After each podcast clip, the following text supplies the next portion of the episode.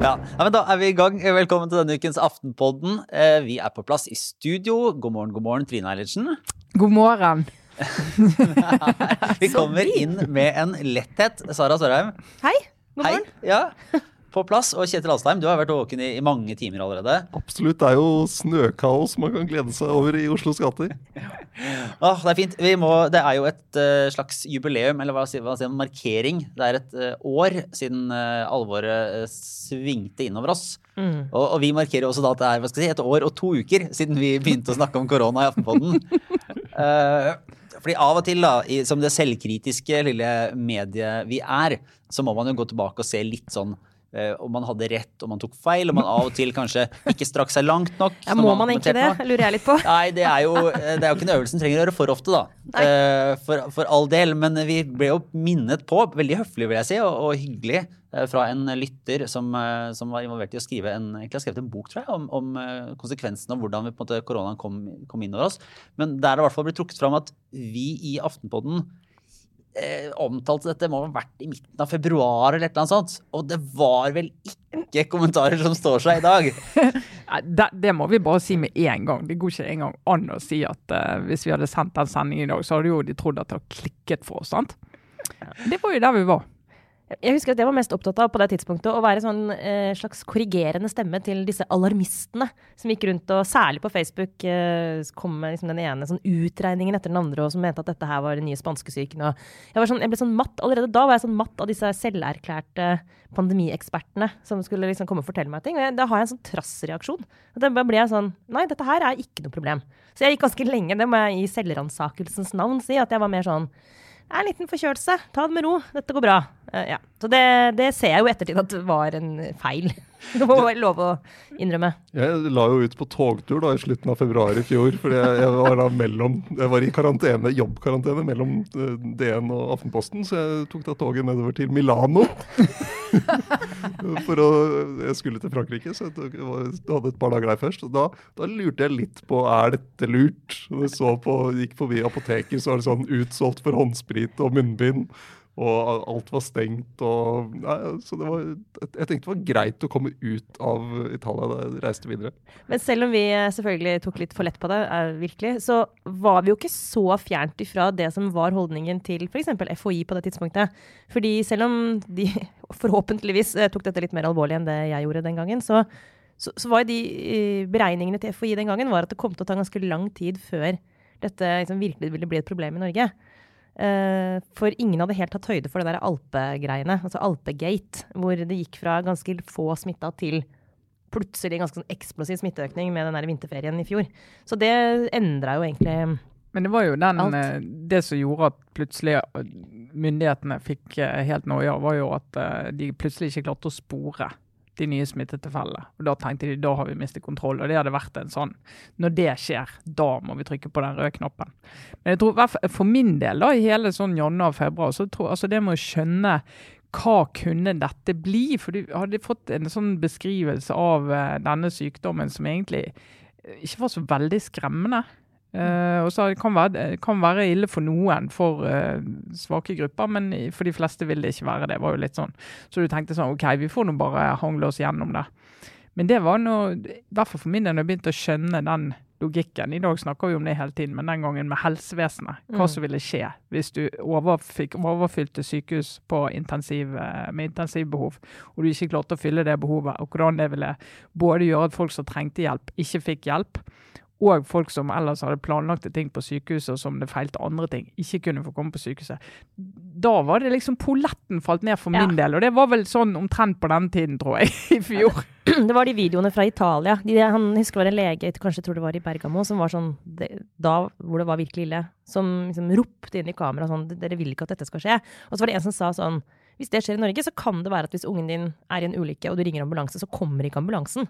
Og da også, Trine, fikk jeg den derre What? Mm. Mm. Ja. Og da begynte det å endre seg, også her, til slutt. Ja. Men jeg skal si, uh, det her er jo alt en slags disclaimer da, for alt som kommer videre av analyse og, og oppfatninger om, uh, om verden ellers. Men det, det er jo da overraskende. Jeg har jo, hadde absolutt ikke trodd i hvert fall i, for et år siden at vi skulle sitte her og egentlig ha, få samme liksom, nye bølgen av bekymring for nettopp sånn helsevesenets kapasitet og hvordan det skulle, skulle henge sammen. Uh, og nå de siste dagene så har jo den kritikken egentlig av, av helseminister Bent Høie vært det derre bildet om eh, altså man har, sa, Når var det egentlig han sa dette med at de hadde nådd toppen? Eller at vi var over toppen, og, og nå er veien nedover det er den vanskelige veien. Det var jo i fjor etter den første bølgen. så skulle, Da de skulle åpne opp igjen, så snakket han om det der å gå når, når du er sliten og skal ned fra Ja. fjellet. Det er da du snubler og går på og snørrer osv. Så, videre. Og så, så det var argumentasjonen for, som de brukte rundt nedtrappingen frem mot sommeren. Og så ble jo livet nesten normalt. Og så, så det fortsetter, ja, det fortsetter jo som et, sånn, et eh, bilde nå av Jonas Gahr Støre har har jo kritisert dette som er sånn Ja, men du eh, det er, det, er liksom, det er kontraproduktivt å si til barna at du er over, den, over toppen. Hvis du vet det kommer masse topper videre og knauser på den skituren, da, og den er kjempelang. Mm. Samtidig så har jeg lurt litt på Det er jo ikke mulig å si til små barn at nei, det er den første. Det er faktisk 80 topprettet. Nei, nei, nei, men det kan du ikke si. Du må bare si ja, nå kommer vi til, nå kommer vi til en topp, så der blir det sjokolade. Ja. Så, ja, man må jo fremme nå, fremme og fremme. Det blir sjokolade. Oversatt til voksne sånn Det er en kjempegod flaske rødvin der, på den toppen. Det er, det er en krisepakke på den neste toppen. Men hadde jeg visst i fjor, på det tidspunktet her, at uh, det skulle ta over et år Det er, du det er, bare, det er jeg glad jeg ikke visste. Rett og slett. Det har gjort det mye enklere å takle sånn situasjonen. Vittig eksempel. fordi at I dag, torsdag for et år siden, var jo akkurat i dag, i dag er det 11., men det, i fjor var jo det 12. Eh, og så var jo alle reist hjem på hjemmekontor. Og så gikk det sånn en ukes tid, og så var det noen her i denne bygningen som vi har kontor for. Her er det veldig kamp om møterom til vanlig. Nå er det jo ikke det, men til vanlig er det veldig sånn kamp om møterom. Så det er en del som sånne faste bestillinger på møterom til morgenmøter og sånn. Så var det noen som hadde funnet ut at det er så mange møterom som ikke blir brukt, så de blir stående tomme. Så nå nuller vi alle møteromsbestillingene. Og da så jo jeg for meg at vi skulle tilbake igjen om en ja, sånn rundt påske. Så jeg sendte en sånn rasende mail til eh, en sånn administrator i bygningen. Og bare, bare det, det her går ikke an, og vi må ha de møterommene. Var bare, bare på et helt annet sted med tanke på hvor lenge dette skulle vare. Så det var det jeg var mest engasjert i det døgnet. Det var at de møterommene var nullet. Ja, okay, så tenkte men- jeg hmm, Men Trine, vet du hva? jeg mener at det var en helt riktig reaksjon, også eh, sett i ettertid. Altså Er det noe jeg har sympati med, så er det sånn møteromshelvete. Unnskyld uttrykket. Men det er kampen om møterommet. The shit is real. Det er, jeg bruker så mye tid på det. Det er en digresjon, Lars. Men det er også en kamp. Min kamp. Men det bare illustrerer hvor utenkelig det var for meg. Hvis, hvis noen hadde sagt ja, men møterom, du skal ikke bruke møterom på et år, du. På halvannet år. Så hadde jeg bare sagt eh, nei. Ikke. Hva mener du? Er Så, altså, ja. En ting er jo det, vi, vi som da strever med disse møteromsbekymringene, men da- så har du da folk som, folk, som ble, folk som ble permittert for et år siden, og som fortsatt ikke kan gå tilbake til jobben sin, eller har eh, vært tilbake en kort periode og, og er permittert på nytt. Det er mange som har stått i en kjempevanskelig situasjon over veldig lang tid. Og bare for å fortsette inn i liksom den politiske debatten, fordi, fordi grunnen til også at du sto opp eh, tidlig i dag, Kjetil, var at du var deltok på det som var et, et frokostmøte fra Aftenposten med, med Bent Høie og Jonas Gahr Støre, og, og der du også var med og, og kommenterte.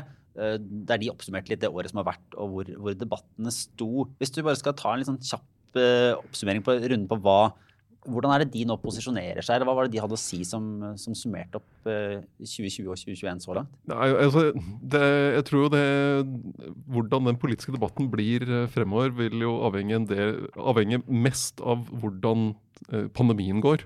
Eh, og så vil det avhenge en del av hva den eh, koronakommisjonen kommer med i april. Mm. Eh, men hvor Uh, Og der, der, der ser du jo hvordan Bent Høie allerede nå uh, sier at eh, det kommer til å bli eh, en diskusjon om det at vi ikke hadde nok sånn smittevernutstyr på lager. eh, og at du kan få en diskusjon rundt eh, intensivplasser. Der han, som han var helt åpen på i dag, at vi må finne, hvor, hvor stor kapasitet skal vi ha på dette? For det å ha en kjempestor intensivkapasitet som ikke brukes, er jo heller ikke rasjonelt. Du får jo ikke leger til å stå der og vente på at det skal komme en pandemi. så det er de, og det, det har jo litt regjeringen gjort egentlig hele veien, at, eller veldig, veldig tidlig, at de har lagt inn sånn vi, ja, vi har ikke alle svar, det er stor usikkerhet, vi, her kan vi ha gjort feil. og Så jeg har liksom lagt inn en disclaimer nærmest på, på veldig mange av pressekonferansene og talene de har holdt. Det tror jeg har vært veldig klokt. Eh, også fordi det, helt, altså, det, er en, eh, det er første gangen vi går gjennom dette her, så det finnes veldig få svar.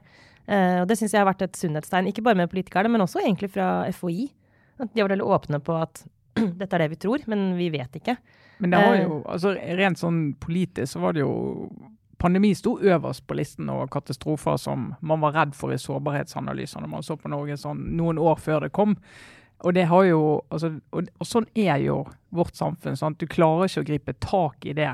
Det står øverst. Og da sto det jo nettopp det at faren med det er at mange kan bli satt ut av virksomhet, og de får ikke jobbet og de får ikke gjort noen ting. Men det å ta tak i en sånn mulig katastrofe, det klarer vi ikke. Men det vi klarer å snakke mye om, er det vi har opplevd som en andre del av beredskapen, f.eks. mot terror og en del av de tingene som vi har erfaring med. Ja, og akkurat Det var jo et av de poengene som Jonas Gahr Støre brukte i den debatten med Høie. At eh, vi visste at pandemi var en av de reelle truslene. Så da, da blir jo, vil jo regjeringen bli målt opp mot altså, hva, hvor god var beredskapen. Når de hadde fått en tydelig advarsel på forhånd. Men Dette er jo parallell til hele, klima, hele klimadebatten. ikke sant? Man tenk, altså, som er sånn akkurat det du sa, Trine. Med pandemien så kom det en veldig voldsom katastrofe eller hendelse, og den går forhåpentligvis over også. Men den der saktegående miljøkatastrofen som vi bare ikke klarer og evner å forholde oss til, eh, sannsynligvis før det er for seint, på et eller annet vis, det, ja, det ligger liksom bak der som en sånn Det er litt sånn ja, det gir meg litt Det gir meg dystrere framtidsutsikter sånn mentalt enn akkurat koronasituasjonen. Men, det er en annen diskusjon. Ja. Men en ting er jo Bent Høie, som jeg nå faktisk lurer på om mitt eh, lille ett år gamle barn har hørt mer enn eh, stemmen altså, jeg har hørt stemmen til Bent Høie mer enn har hørt stemmen til mange nære familievenner, for å si det sånn.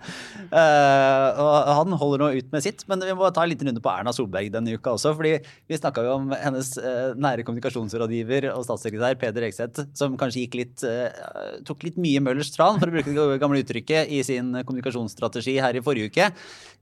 I uka etter så så det ut som han hadde tatt seg en liten permisjon, eller at alle kommunikasjonsrådgiverne var eh, på ferie. fordi Erna Solberg har i hvert fall ikke fått mye sånn igjen offentlig for den Hun har kommunisert det. Hun Hun har har gjort. kommunisert, eh, men det var jo da en tale som var på en måte litt sånn Ja, det skulle jo være en sånn eh, litt sånn State of the Union, ifølge innsalget på søndag. Litt sånn derre nå skal Erna Solberg tale til folket. Er det noe vi Eh, har savnet? Ja. Etter pandemien var det sånn å ja, flott. Det Ja, nei, det var også litt sånn Det var vel ikke et skrikende behov for å høre nok, eh, liksom, nok en tale. Men jeg trodde kanskje at det, det skulle være noe litt annerledes denne gangen. Da. Noe litt mer sånn hun skulle si et eller annet som kanskje skulle bli stående vet ikke, i historien, liksom. Som noen velvalgte ord, eller et eller annet. Det virka så veldig sånn Det var liksom et sånn ordentlig innsalg av den talen. Og det ja, det var vel, eh, vil jeg si. Denne lytteren her opplevde det som et uh, antiklimaks, vel. Det var en skikkelig dårlig tale. Det var helt unødvendig. Hvorfor i all verden skulle hun holde den talen? Men, Så jeg ja, må si, Det jeg likte best med den talen, var eh, for det første at hun ikke leste dikt. det er sant! Og for det andre at hun ikke sa dugnad. Sa hun ikke dugnad? Nei, hun sa ikke dugnad. Det var, hun sa det med andre ord. Sa det med andre ord den Ja. gangen. Men, Men, men, men, det ja. var- det var noe med forventningsstyringen her. Ja, det var det det var. At de, de skapte den, akkurat den forventningen du hadde og, og vi andre hadde.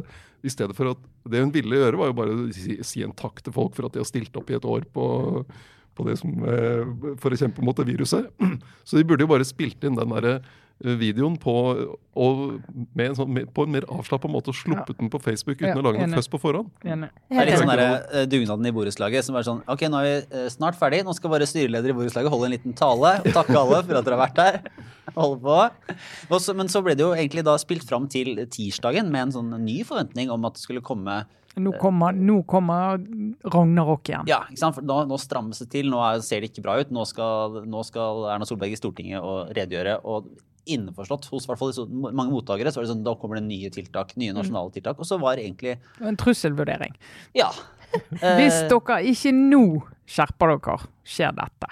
Det var jo det som kom. Og det ble jo veldig forvirrende. Det var jo faktisk, NRK sendte ut feil. Eh, de sendte jo faktisk ut en push-melding. Nasjonal skjenkestopp Ja. eh, løp jo rundt. og Påførte jo resten av landet i- akutt eh, traume. Her har vi jo dessverre Så- en til det. Køene utafor polet bare Ja!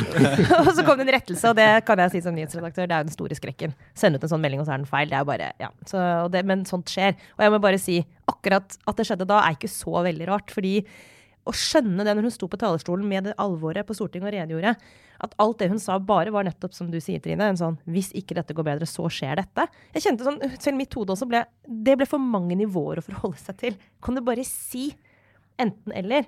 Selv om, da, til hennes forsvar, det kan tyde på at det var en reell usikkerhet helt fram til nesten hun gikk på talerstolen, fra de som er rådgiverne, altså fra FHI og Helsedirektoratet, på om det var nødvendig eller ikke å sette inn tiltak. Og hvis det faktisk var sånn at vurderingen var at det ikke var strengt nødvendig, så er det jo til hennes ære at hun ikke gjorde det.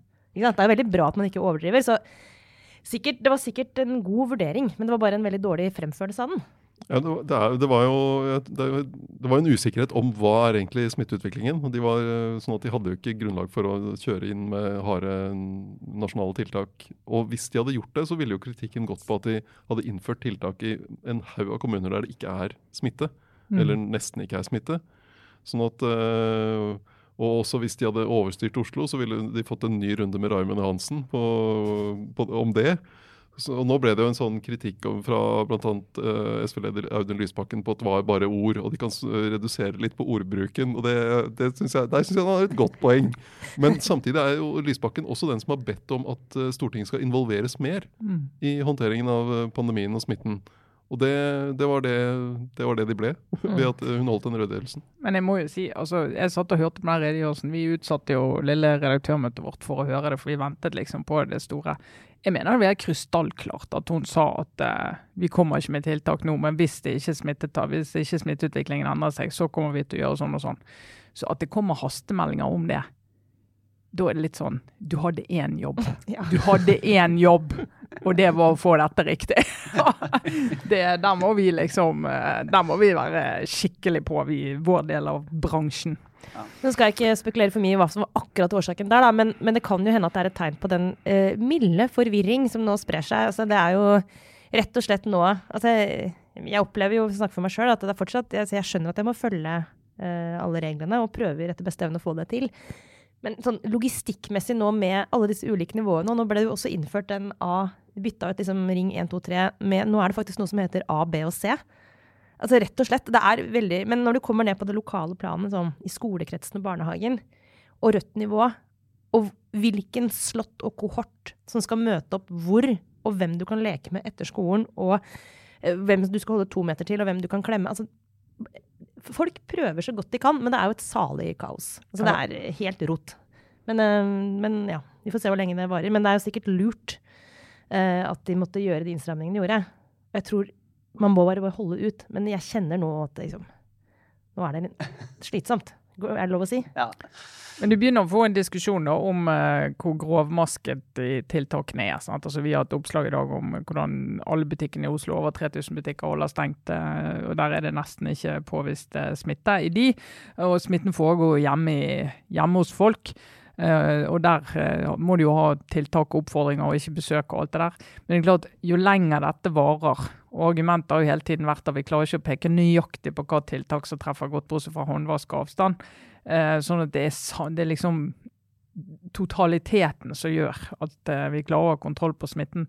Men jo lenger tid det går, så er det jo nettopp sånne ting så det er masse folk som taper masse penger i butikken sin fordi at den er stengt, og de vil si her, vi har jo kontroll, det er ikke smitte her. Så begynner å bli mer aggressive nå. da. Så jeg, jeg, tror ikke vi kan holde på med dette veldig veldig mye lenger. Men vi se, vi skal videre til det som må sies å være den internasjonale snakkisen, som er fullstendig koronafri, og som eh, vi tillater oss et, eh, et blikk inn i. Fordi uh, hele verden virka som stoppa opp for å se uh, gode, gamle Oprah Winfrey intervjue Meghan Markle og uh, prins Harry. Oh, det var deilig. Ja. I det som uh, nå i en sånn post the crown-verden uh, er uh, på en måte i kjernen av, av interessefeltene under koronaen. Altså deres flukt fra det britiske kongehuset. Har, altså, du har fulgt dette nøye, nyhetsredaktør Sara Sørheim i NTV. Her har jeg vært tett på, ja. Tett på det viktigste som skjer. For at dere skal bli informert. Nei, det her er faktisk første gangen på utrolig lenge, jeg tror flere år, at jeg fikk et sånt akutt behov for å få tak i, altså for å få sett lineær-TV. Uh, det, det, det, har jeg ikke tenkt over, men har, vi har ikke det, vi har, har ikke TV, sånn kabel-TV hjemme lenger. Fordi jeg trodde et øyeblikk at dette intervjuet kun ble sendt på TV3 på liksom TV-kanalen TV3. Så fant jeg heldigvis ut at det ble strømma, da. Det, det, var, det, var, mulig å finne på internett? Ja, men det var noen minutter med sånn vill panikk. Vi hadde sånn rigga meg til for å, for å, få det her med meg. Men det, det, er veldig mye å si om dette. Vi skal virkelig, jeg, skal ikke, altså, jeg skal prøve å holde meg kort, altså. Men det intervjuet der er altså det mest sånn eklatante eksempelet jeg tror jeg har sett på liksom en krasjet mellom den nye og gamle verden. Hvis du tenker at den nye verden liksom er amerikansk samtidskultur kjendiskultur. Oprah Winfrey. Altså den liksom um, Den medieverdenen, samtidskulturen fra USA, som bare liksom full on krasjer inn i liksom hele liksom, britisk identitet og kultur. Og i den grad kongehuset fortsatt i det hele tatt har noen funksjon, så er det jo en sterkt symbol på europeisk kultur og historie. Og de to verdenene der, det er bare sånn Det er null forståelse. Altså, det var som å høre uh, Oprah Winfrey og hun uh, Meghan snakke om et helt sånn sjukt fenomen som var helt sånn Hva? Og hun Meghan sa sånn Jeg måtte neie for svigermor. Og Oprah var sånn Hæ? Kødder du, liksom? Måtte du det? Så var jeg sånn Hallo, det er dronningen av England, liksom. Ja, selvfølgelig måtte du det. Men de var bare helt baffled. Ja, det, så, så, det var en sånn der helt Det var veldig interessant. Jeg, jeg håper at liksom, historikere vil se på det og skrive masse smarte ting. Det var helt sånn Ja, det var et kulturkrasj. Men, men hvor mye av det er uh, framme med popkornet personlig tragedie, og hvor mye er en sånn uh, viss samfunnsmessig betydning og en form for liksom sånn sightgeist, Trine? Nei, altså det er, jo, eh, det er, jo, en illustrasjon av hvordan kongehuset da krasjer med det moderne.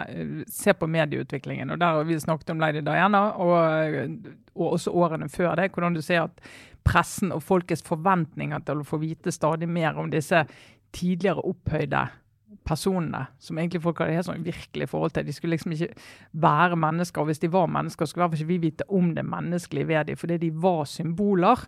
Men så kommer vi gjennom eh, 80- og 90-tallet og har en forventning om å få vite mer, egentlig så mye som mulig. fordi at nå er de gått fra å være opphøyde personer til å bli kjendiser. da.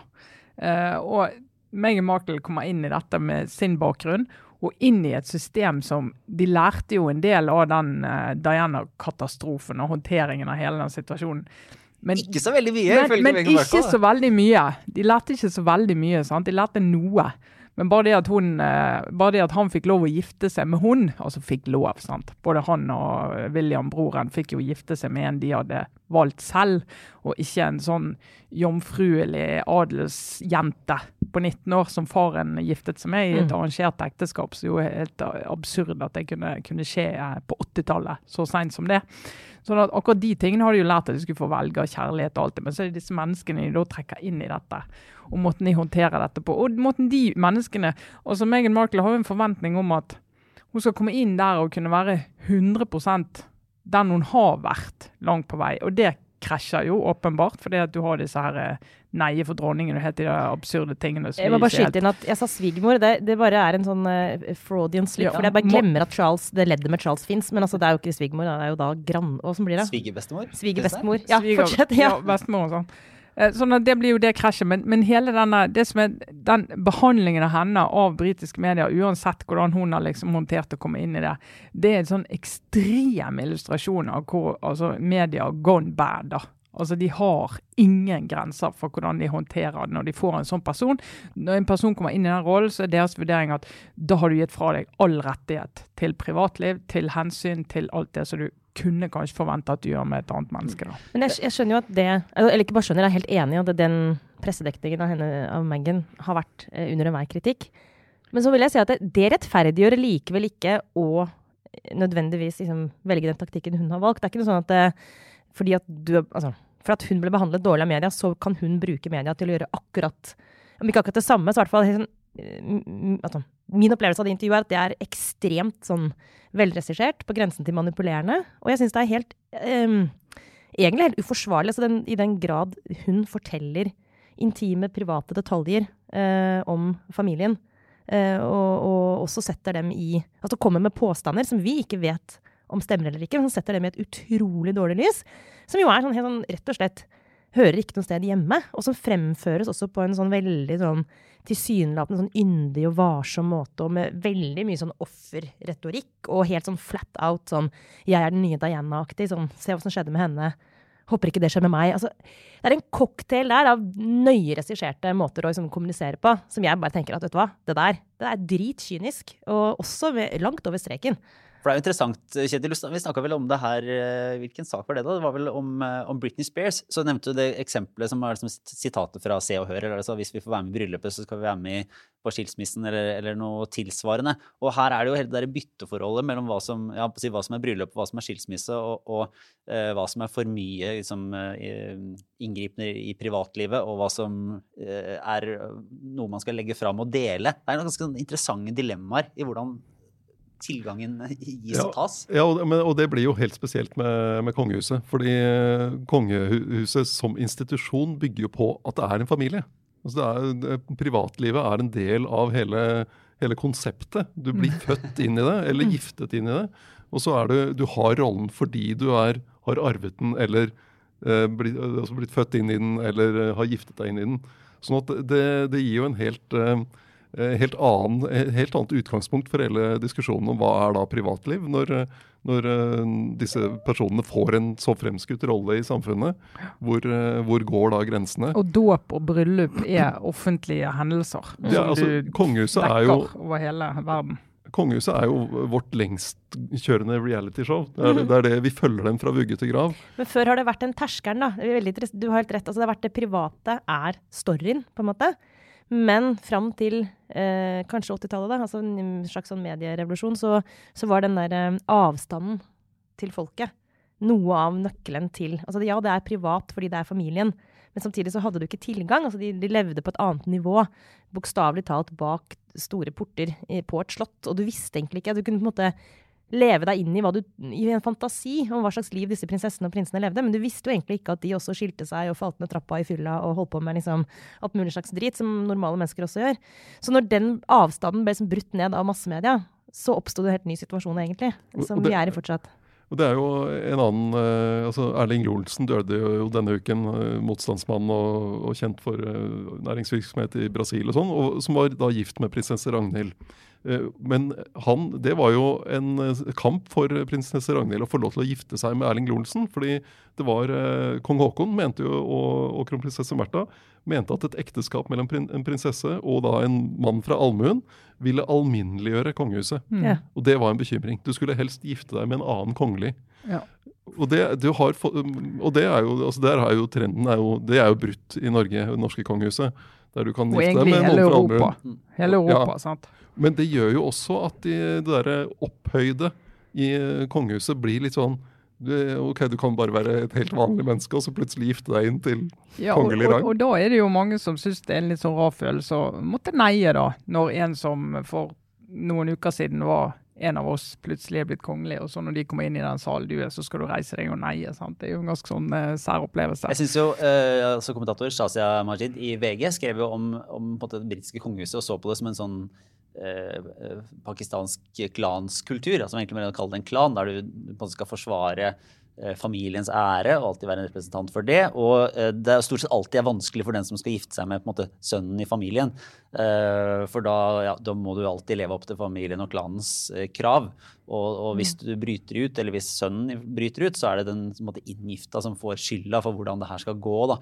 Og det er jo en dynamikk som, som var, sånn, var, interessant å, å lese i eh, å se det i det bildet. For det, det er jo liksom en klan vi alle eller mange, har vært eh, enige om at vi skal ha og dyrke, og må liksom akseptere de premissene nesten for at det skal være noe poeng å, å fortsette mm. å ha det. Så, så, da blir per definisjon nesten de som bryter med det, en slags fiende av, av eh, majoriteten. Da. Det var veldig bra kommentar, veldig interessant parallell. Faktisk sånn slående. Men det er bare det er interessant at også den i den klanen, eller i kongefamilien, to sider av samme sak, så er jo det der med at hensynet til systemet, eller the firm, eller the institution, som Megan kaller det, det må gå foran. Sant? Så individet må bøye seg eh, fordi hensynet til, til, institusjonen er viktigere.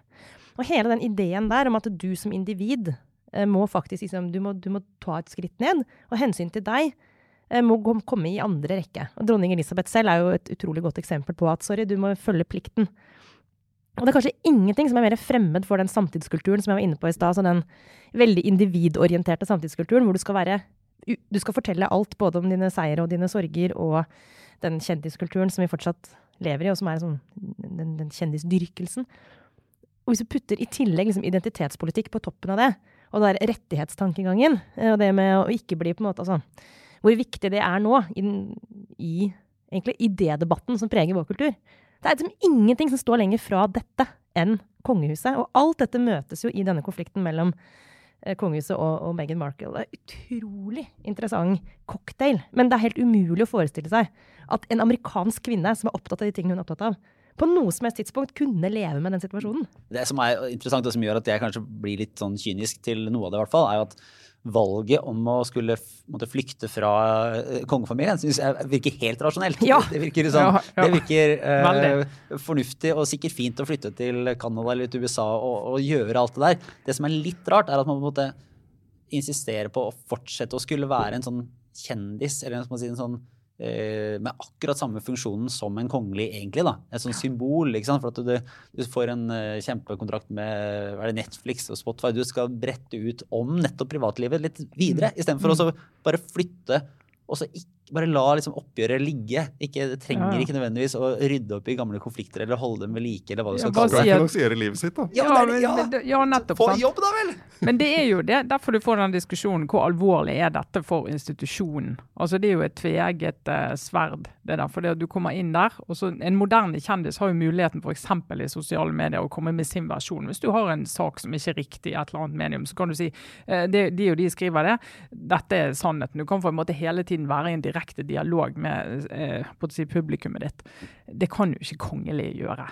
Altså, De kan ikke gjøre det. og Hvis du forventer at du skal få lov å gjøre det, så er du jo helt inne i den at da er det jo bare en vanlig kjendis. Og da blir jo hele legitimiteten til disse som skal være samla, som du sier, Sara, hvor de ikke skal ta individuelle hensyn.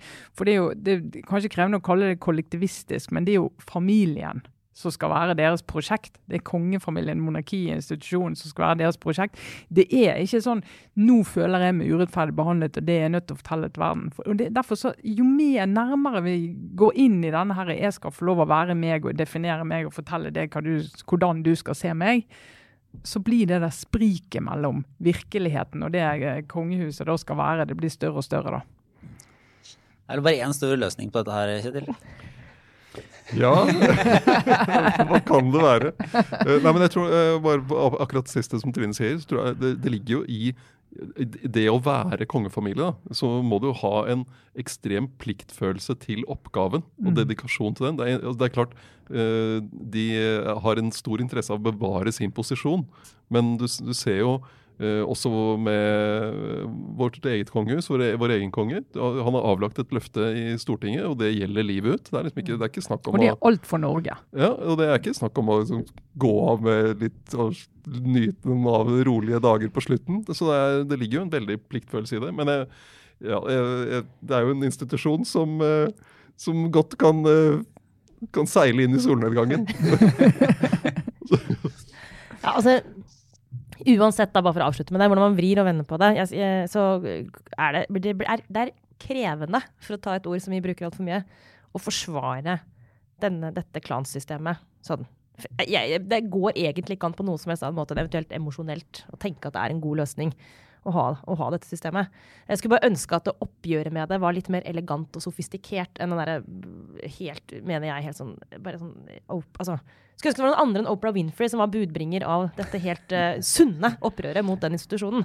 Det er vel egentlig Monar monar ja. monarkier faller jo hvis det er revolusjon eller krig. Og det, og det at de eh, blir, monarkier blir styrtet av medier, det har vi ikke sett. og sosiale medier-revolusjonen. Og det, at du får den der Kan du beholde privilegiene dine samtidig som du skal behandles som hvem som helst? Det, Nei. det, det henger ikke sammen vet du, til Ja. slutt. Jeg lurer på, Da går vi videre inn i en runde med obligatorisk refleksjon. Og eh, jeg kan jo egentlig begynne eh, Og det her er jo jeg vet det er ikke så mye min egen refleksjon som bare en, en forunderlig sak. Så jeg bryter litt med det jeg egentlig hadde tenkt til å, til å gjøre her nå. Men fordi vi, vi må nesten høre Jeg var bare så interessert i å høre, særlig deg, Trine, på, på betraktningen rundt Aftenpostens sak fra 8. mars, som fikk litt sånn pes i sosiale medier men som var dette oppgjøret fra Trine Skei Grande med det som ble kalt en offentlig sektorsveis. Det var jo egentlig utgangspunkt i en sak i D2, var det ikke det? Jo, det var, det var denne, det som ikke heter Estetikeren, men som er en slags sånn Stilguide. Stiltips, eh, det er Stiltips eller Stilguide. Det er jo D2 som tar ansvar, altså magasinet til Dagens Næringsliv, tar ansvar for å en gang i uka komme med faktisk veldig, veldig konkrete og jeg vil si veldig morsomme innspill på forskjellige typer stiluttrykk. Da. Eh, Jeg tror det er Anders Kemp som skriver den. Så er det en eh, fast spalte. Men innimellom så går det jo løs på også f.eks. middelaldrende kvinner og kan jeg si oss, må jeg nesten si det, våre hårsveiser. Som er utgangspunktet for da Det- denne saken i Aftenposten. Ja, og så var det i hvert fall Trine Skei Grande som gikk ut, eller gikk ut, eller ble spurt, eller altså det, alt det, det skal ikke jeg spekulere i. Men jeg tror faktisk hun gikk ut på noen sosiale medier. Ja, ja, ja, For ja. hun kalte at, den, eh, at langt hår var eh, vår, altså vårt lands hijab. hijab ja. Ja. Dette har vært en kjempedebatt på Facebook-siden DN Kvinner. Uh, I etterkant av dette oppslaget i D2. Lars, dette er ting på internett du er langt unna. Du er, Er du ikke medlem av DN Kvinner, Lars? Dessverre. det, har vært en, det har vært en i forkant, nemlig en svær debatt der. Altså, nest etter Meghan Markle og Harry-intervjuet, så har jeg faktisk engasjert meg litt i dette. Eh, av viktige ting man driver med. Men i etterkant av den saken i D2, eh, og da var Trine Skei Grande også ute og forsvarte da det som i den saken, det som var tema for den saken, så var det den der korte, eh, litt sånn kjekke hårsveisen som mange damer i offentlig sektor, blant Ja, annet Trine Skei Grande, har. Ja, så blir det jo kalt en slags makt, en moderne maktsveis, da. Ja, Ja. og, og bare for å si det, er to viktige ting som jeg har lyst til å si om det. Det ene var at eh, så vi i Aftenposten fikk kritikk for å ha den saken fordi at noen som overhodet ikke følger med, trodde at det var liksom vår hovedsatsing på 8. mars. Vi hadde jo mange sider om det. Det handlet både om eh, transdebatt, og det handlet om jenter på bygda som eh, flytter fra bygda, var hovedoppslaget vårt den dagen, og det handlet om kvinner i Etiopia. Så dette var en av mange saker den dagen, bare så det er sagt. Det andre er kort hår. Det er mye arbeid. Jeg har hatt kort hår. Det var så mye arbeid, det var så mye stress. Jeg måtte vaske håret hver dag, måtte ordne og føne og styre. Langt hår, det er lett. men, men at det er veldig sånn sterke forventninger nå til at unge jenter skal langt og det er ingen tvil om. Det som jo eh, er nøkkelen til alt dette her, altså he hele utgangspunktet for Trine Det er kanskje noen lyttere som nå er sånn Hva snakker dere om nå? Det har jeg forståelse for. Det er en litt smal problemstilling. Men, men Skei Grandes poeng var at det skulle liksom, gå rundt med langt hår. Ja, hun sa vel det. Vår tids burka. Eller vårt samfunns. Hijab var det hun kalte det. Ja, hijab. Uansett at det var en sånn påtvungen ting som du bare burde kvitte deg med i frigjøringens navn. Eh, jeg, mener at hun tar feil på ett punkt, og det er det Trine er inne på. Altså, det som er den frigjørende, frigjørende sveisen, er sånn frisørfarget eh, hår eh, til skuldrene, eller litt over skuldrene. Sånn som jeg og Trine har. Det er det minst Null arbeid. Null arbeid. Null arbeid. Null arbeid. Ja. Tørr sjampo, vaske sjelden, eh, kjør på. Så, så hvis, man, hvis man løsriver seg fra, eh, fra den kulturelle krigen på sosiale medier og velger den pragmatiske sveisen, Ja. så er det Så eh, pragmatisk eh, halv- sveis. Et sted mellom offentlig og privat sektor. eh, Åssen er det med deg, Sara? Har du en anbefaling denne uken? Ja, altså Bortsett fra at jeg har brukt veldig mye tid på de to viktigste tingene denne uka, altså intervju med de kongelige og eh, hårdebatt, så har jeg også lest, og det anbefaler jeg også for dere som er interessert i ekte samfunnsmessige spørsmål. Um, han Harari, vet dere. Joval, er det vel han heter til fornavn? Sapiens-forfatteren? Ja, eh, som jo har skrevet denne boken Sapiens, som jeg nå har begynt å lese på nytt. Og den er så, så interessant. Eh, så bare for å nevne det også. Eh, hvis man blir litt sliten av sin samtid, og det er det jo veldig mange grunner til å være akkurat nå. Så det å lese liksom, rett og slett den boka der om menneskehetens opprinnelse og historie, sånn helt tilbake til det aller første mennesket, det gir en sånn følelse av at eh, det, For meg er det en sånn trygghet. Tenk på Jostein Gaarder som sa at hvis ikke du kjenner liksom, Du kan ikke kjenne deg selv uten å kjenne minst de siste 50, 50 millioner års historie eller noe sånt noe. Men altså, trygghet og Det er fordi at du, jo, du har gått gjennom det året her med, med måte, Du velger sånn mer eh, pessimistiske, apokalyptiske scenarioer å gå inn i når det er litt eh, kjipt. Fordi andre vil jo kunne lese den og så bli, føle seg fryktelig, fryktelig små. Nei, men altså her er det altså Menneskeheten har overlevd de mest utrolige ting. det nær, vært nær utryddelse flere ganger. Det er egentlig et mirakel at vi er her i det hele tatt. Det er bare sånn kjekt å tenke på. Sånn her, en liten pandemi, det går helt fint. Hvis du ser det i virkelig lys av hele vår historie, så er dette her en liten krusning på havet. Så det, hvis andre har det som meg, det er bare for det første en god bok, for det andre hjelp til selvhjelp. Hvis man ikke orker å lese hele boka, så anbefaler jeg det essayet som han har nå eh, skrevet i Financial Times. Jeg tror det er, det er noen uker gammelt nå, men jeg leste det først denne uka. Jeg tror Christina Pletten anbefalte det også i Aftenpodden USA. Eh, så jeg bare gjentar den anbefalingen. Han snakker om hvordan man kan se på vår respons på eh, pandemisituasjonen internasjonalt, og hva man kan lese ut av, ut av den. Både når det gjelder våre styrker og våre svakheter som liksom, sivilisasjon. Som er liksom, kloke og gode tanker, og noe som peker litt fremover også, når vi er ferdig med akkurat denne første håndteringsfasen. Så har jo denne pandemien også vist noen svakheter ved måten vi, vårt samfunn er organisert på, som vi kan ta tak i når støvlegger seg. Så den er sånn Den er god. God mat for tankene. Mm. Så en varm anbefaling. Det er fint. Åssen er det med deg, Kjetil?